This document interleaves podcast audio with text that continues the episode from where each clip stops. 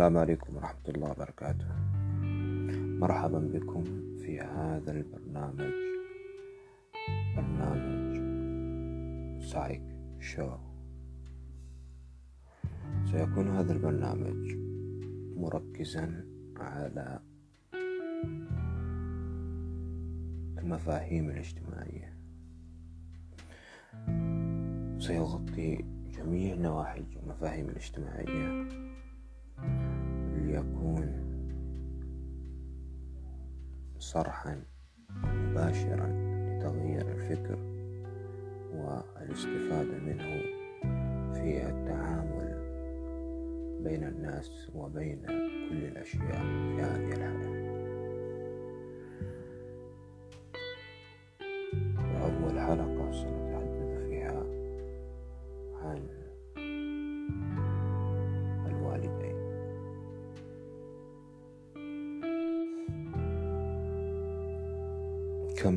جميعا. أن الوالدين من أهم الأمور في الحياة حيث أن هما السبب البيولوجي الحيوي في عملية إنشاء الإنسان. آه، يعني يكون الوالدين في حالة من التواصل وينتج عن هذا حيوانات منوية وتنتج عن تلك بويضة فيتم الاندماج بين البويضة والحيوان المنوي حيث أنه يكون الحيوانات المنوية بعدد كبير من الحيوانات المنوية. مني الرجل فيه عدد كبير من الحيوانات المنوية يصل إلى الملايين. هذه الحيوانات المنوية بالملايين يظفر فيها حيوان منوي واحد بتلك البويضة ومن ثم يحدث الاندماج والتمازج. ودخول الحيوان المنوي إلى غشاء البويضة. ثم يحدث التكوين للكائن البشري. شيئا فشيئا نموا فنموا تغيرا وتقلبات في التكوين إلى أن يتكون لدينا جنين. هذا الجنين شيئا فشيئا يصبح تم الاستعداد إلى الخروج من رحم أمه. وعند خروجه من رحم أمه يبدأ في تنفس الهواء ثم يكون بشريا كمثل سائر البشر. هذه العملية يكون لهم الوالدين فضل فيها بأن تم التواصل بينهم بالعملية الجنسية لإنتاج هذا المخلوق. هذا المخلوق بطريقة تلقائية بدون تفكير عميق حتى. أول من يرى في حياته يرى أمه وأبيه. كانا على قيد الوجود. ف هم من يعتنون فيه ويرعونه حق الرعاية. على حسب إمكانياتهم وقدراتهم وعقلياتهم وفهمهم يرعونه. فإن كانت هذه الرعاية تسببت في حماية هذا الطفل ونموه أكثر فأكثر من ناحية المأكل والملبس والحفاظ عليه من الأمراض ومعالجته إن أصيب بالمرض والإشراف على هذه التربية من الناحية الفكرية من الناحية العقلية أن يكون سليم المعافى من أن يضر نفسه. يضر الآخرين. العملية هذه كلها لهم فضل فيها. فهم أول من يزرع الأفكار في دماغك وهم أول من يزرع آه، المبادئ في نفسك. فهذه الأمور التي يعملونها لك هي خير كبير. لا يمكنك أن تجازيهم فيه بأي حال من الأحوال. لذلك يكون الوالدين من أقرب الناس إليك. كان حيا. فتكرمهم تحسن إليهم آه، تبرهم تقوم على مساعدتهم في كل ما يحتاجانه. لكن هناك في المجتمع فكرة طاعة الوالدين وإرضاء الوالدين. هناك ربط كبير بين الدين في نظر شيخ الدين طبعا ومن يسمونهم رجال الدين بين رضا الوالدين وبين رضا الله. خالق الوالدين وخالقك بالأساس الذي أمر بالعملية كلها أن تتم بالشكل الحكيم هذا إلى أن إلى أن أنتجت أنتجت أنت. وصار لديهم طفل وهو أنت. العملية كلها هذه هذه العملية كلها هي بمثابة عمل صالح قاموا فيه.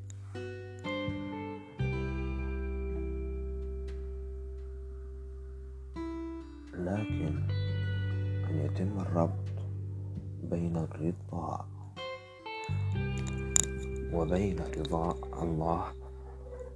خالقهم من الأساس. وخالقك من الأساس. هنا في مشكلة. لأن رضا الوالدين وهما كبشريان كبشريين لا يكون ب بالأعمال البسيطة. غير أنه يكون رضاهم إن كانا مريضين هم من الأساس. يكون رضاهم صعبا غير سليم. أن هناك عبارة تقول رضا الله رضا الله غاية لا تترك ورضا الناس غاية لا تدرك. كيف يتم ربط بين رضا الوالدين وبين رضا الله. والقول بأن رضا الله من رضا الوالدين. هذا منكر كبير.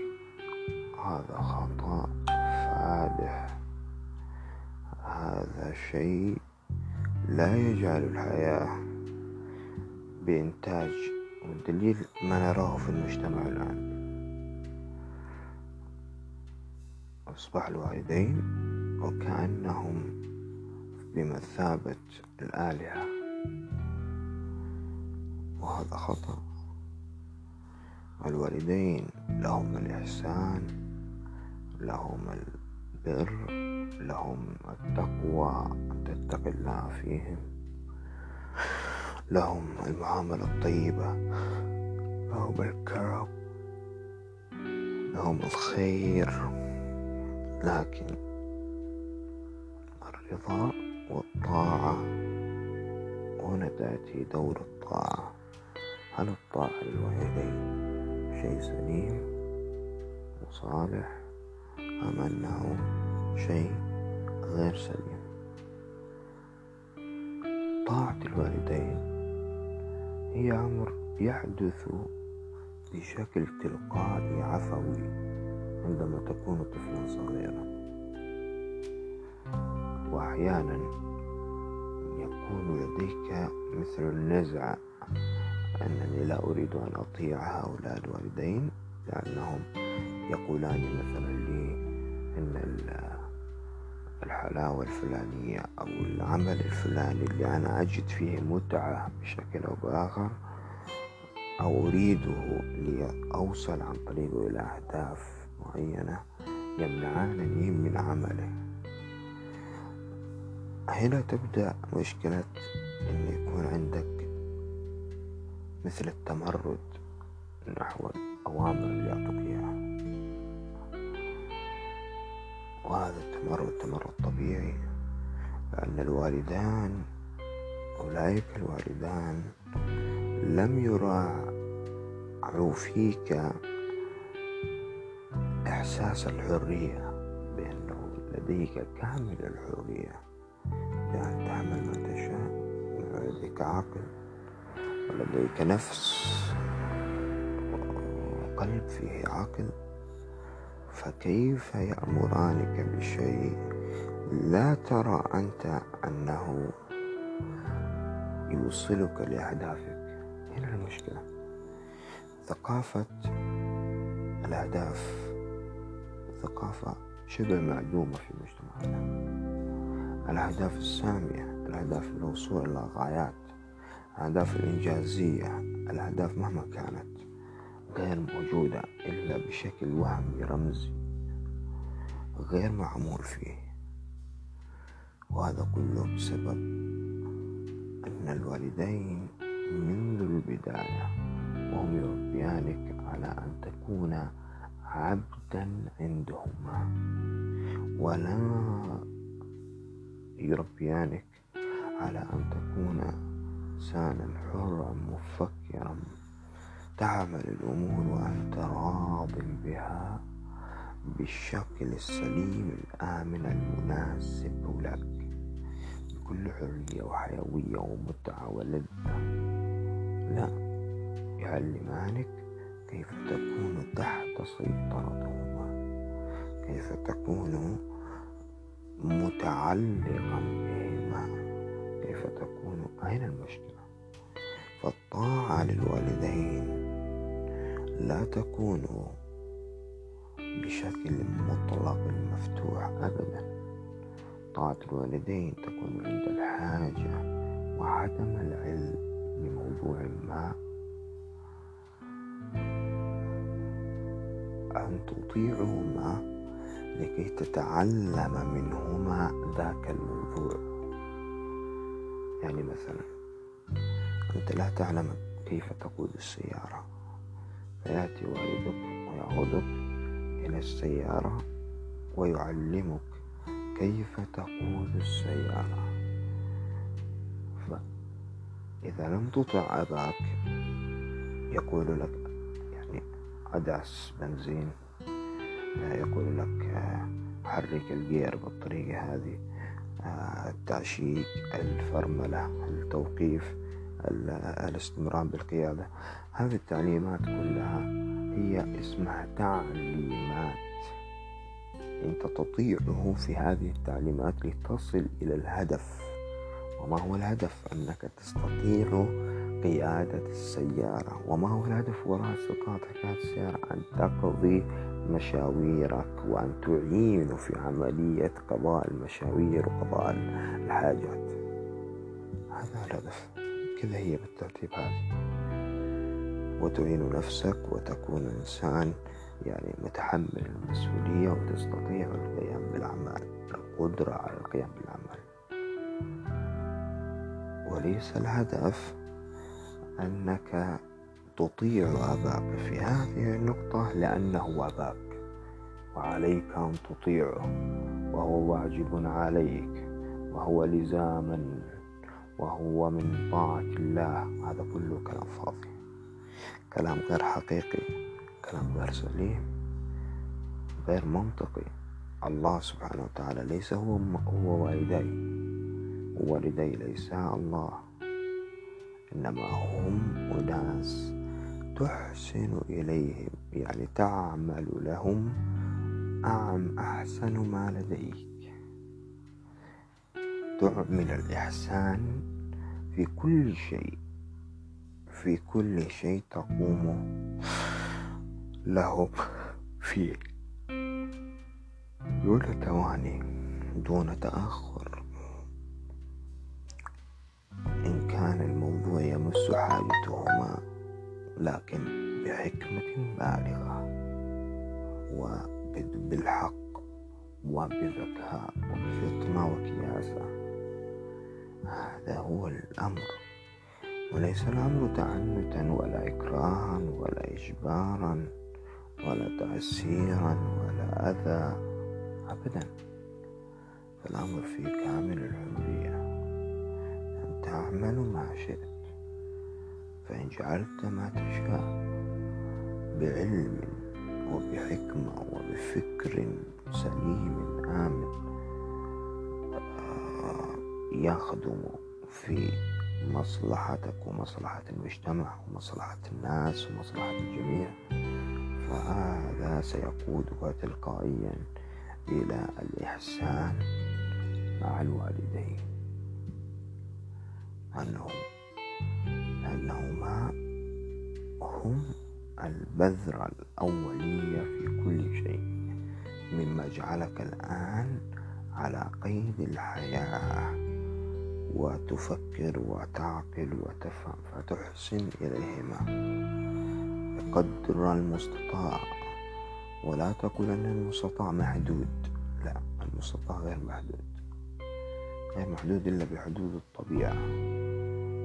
فتتحرر من قيود نفسك في الإحسان إليهما والبر بهما إلى مراحل عالية من الاستطاعة ومن التقديم لهما كل خير. فهم الأقرب والأقربون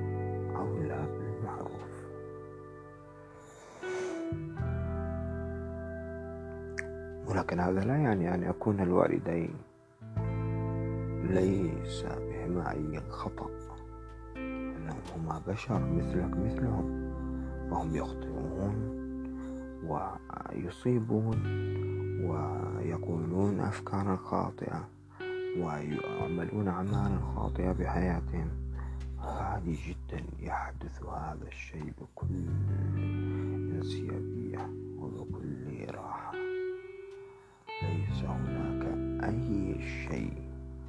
يجعلك تظن أنهما منزهان عن الخطأ.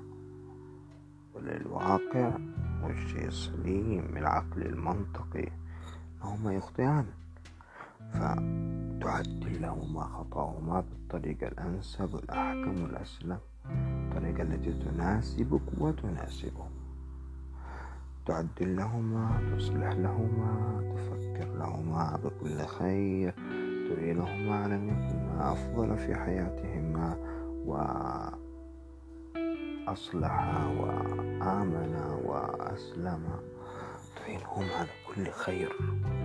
تراه أنت لهما مما تراه أنت لنفسك أصلا.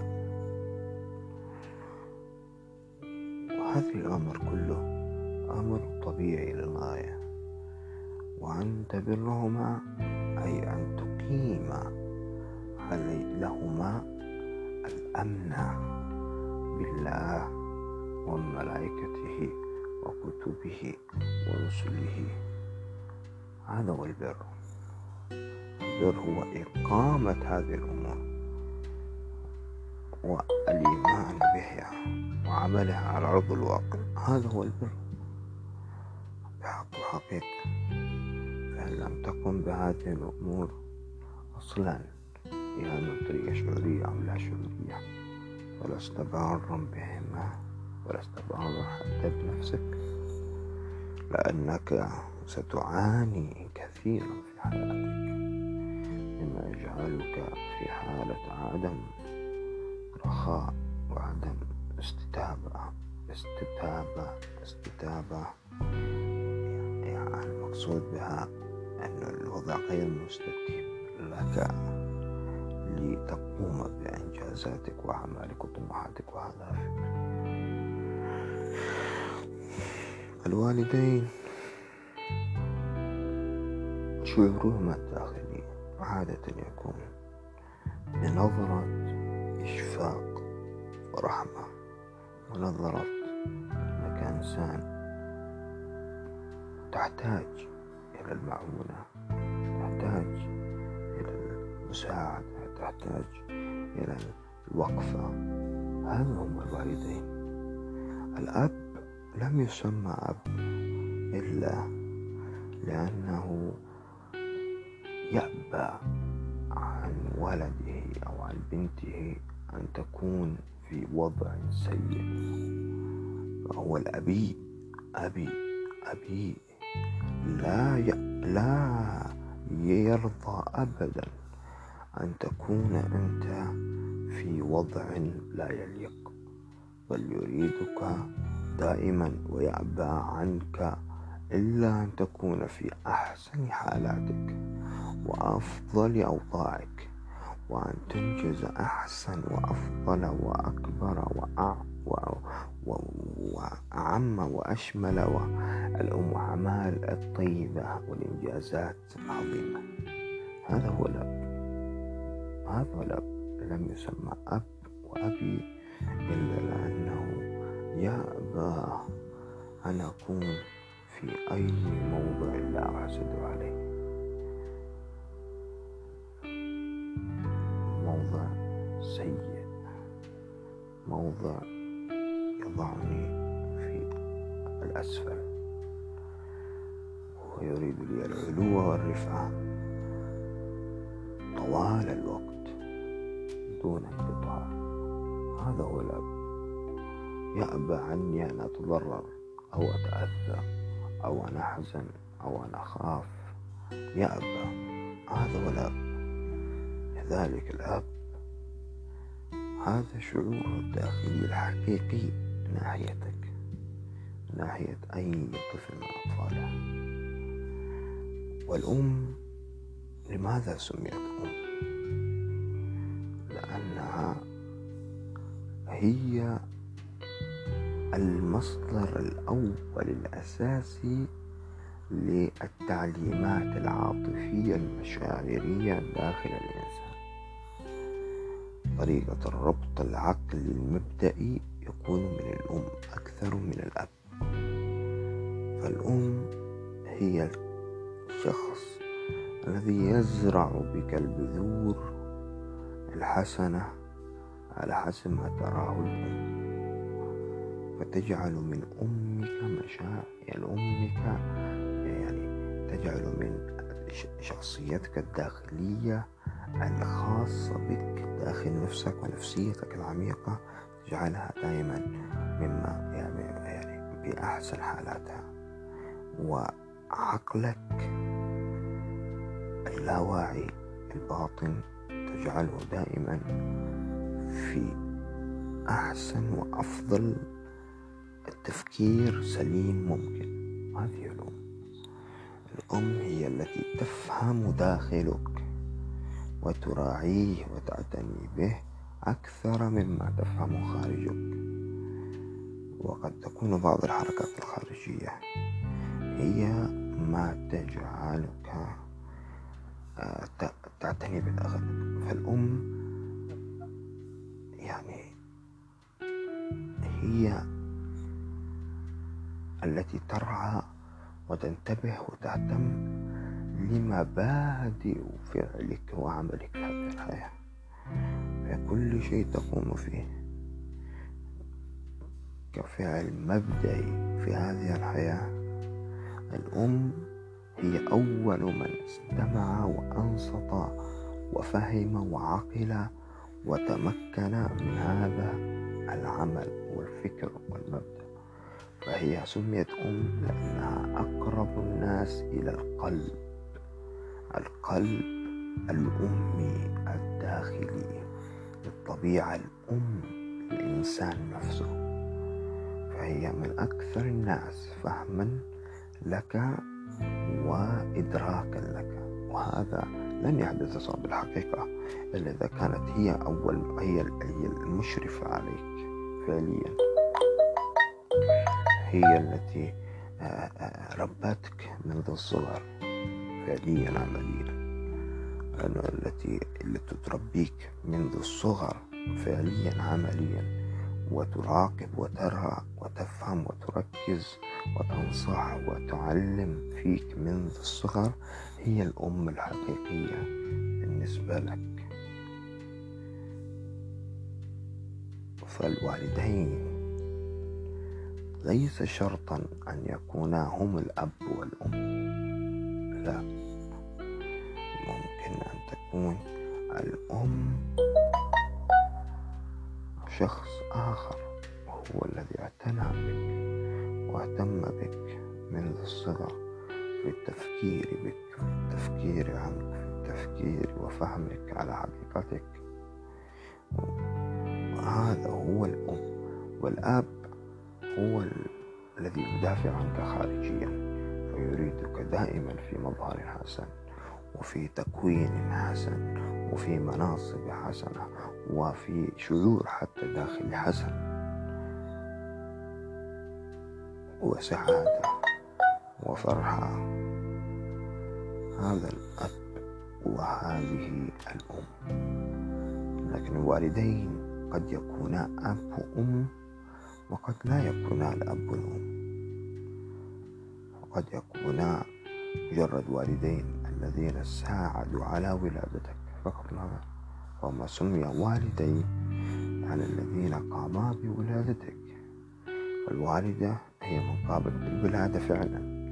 والوالد هو من قام بالعمل الأساسي لزرعك أنت في رحم في رحم يعني الوالدة مما ساعد وساهم في عملية الولادة. فهما هؤلاء الوالدين لهما الفضل العظيم. بعد الله في هذه العملية. لكن لكن هذا لا يعني أن تطيعهما في كل شيء أو أن ترضيهما وتفكر برضاهما هذا من أخطأ وأعظم الغلطات التي يقع فيها الشباب. فيتدمر نفسياتهم وتدمر أعمالهم ويكونون محبطين. مما يؤدي بهم إلى سلوكيات سلبية في حياتهم تجاه أنفسهم وتجاه غيرهم. هذا وصلي وسلم على سيدنا محمد وعلى آله وصحبه أجمعين. بالتوفيق.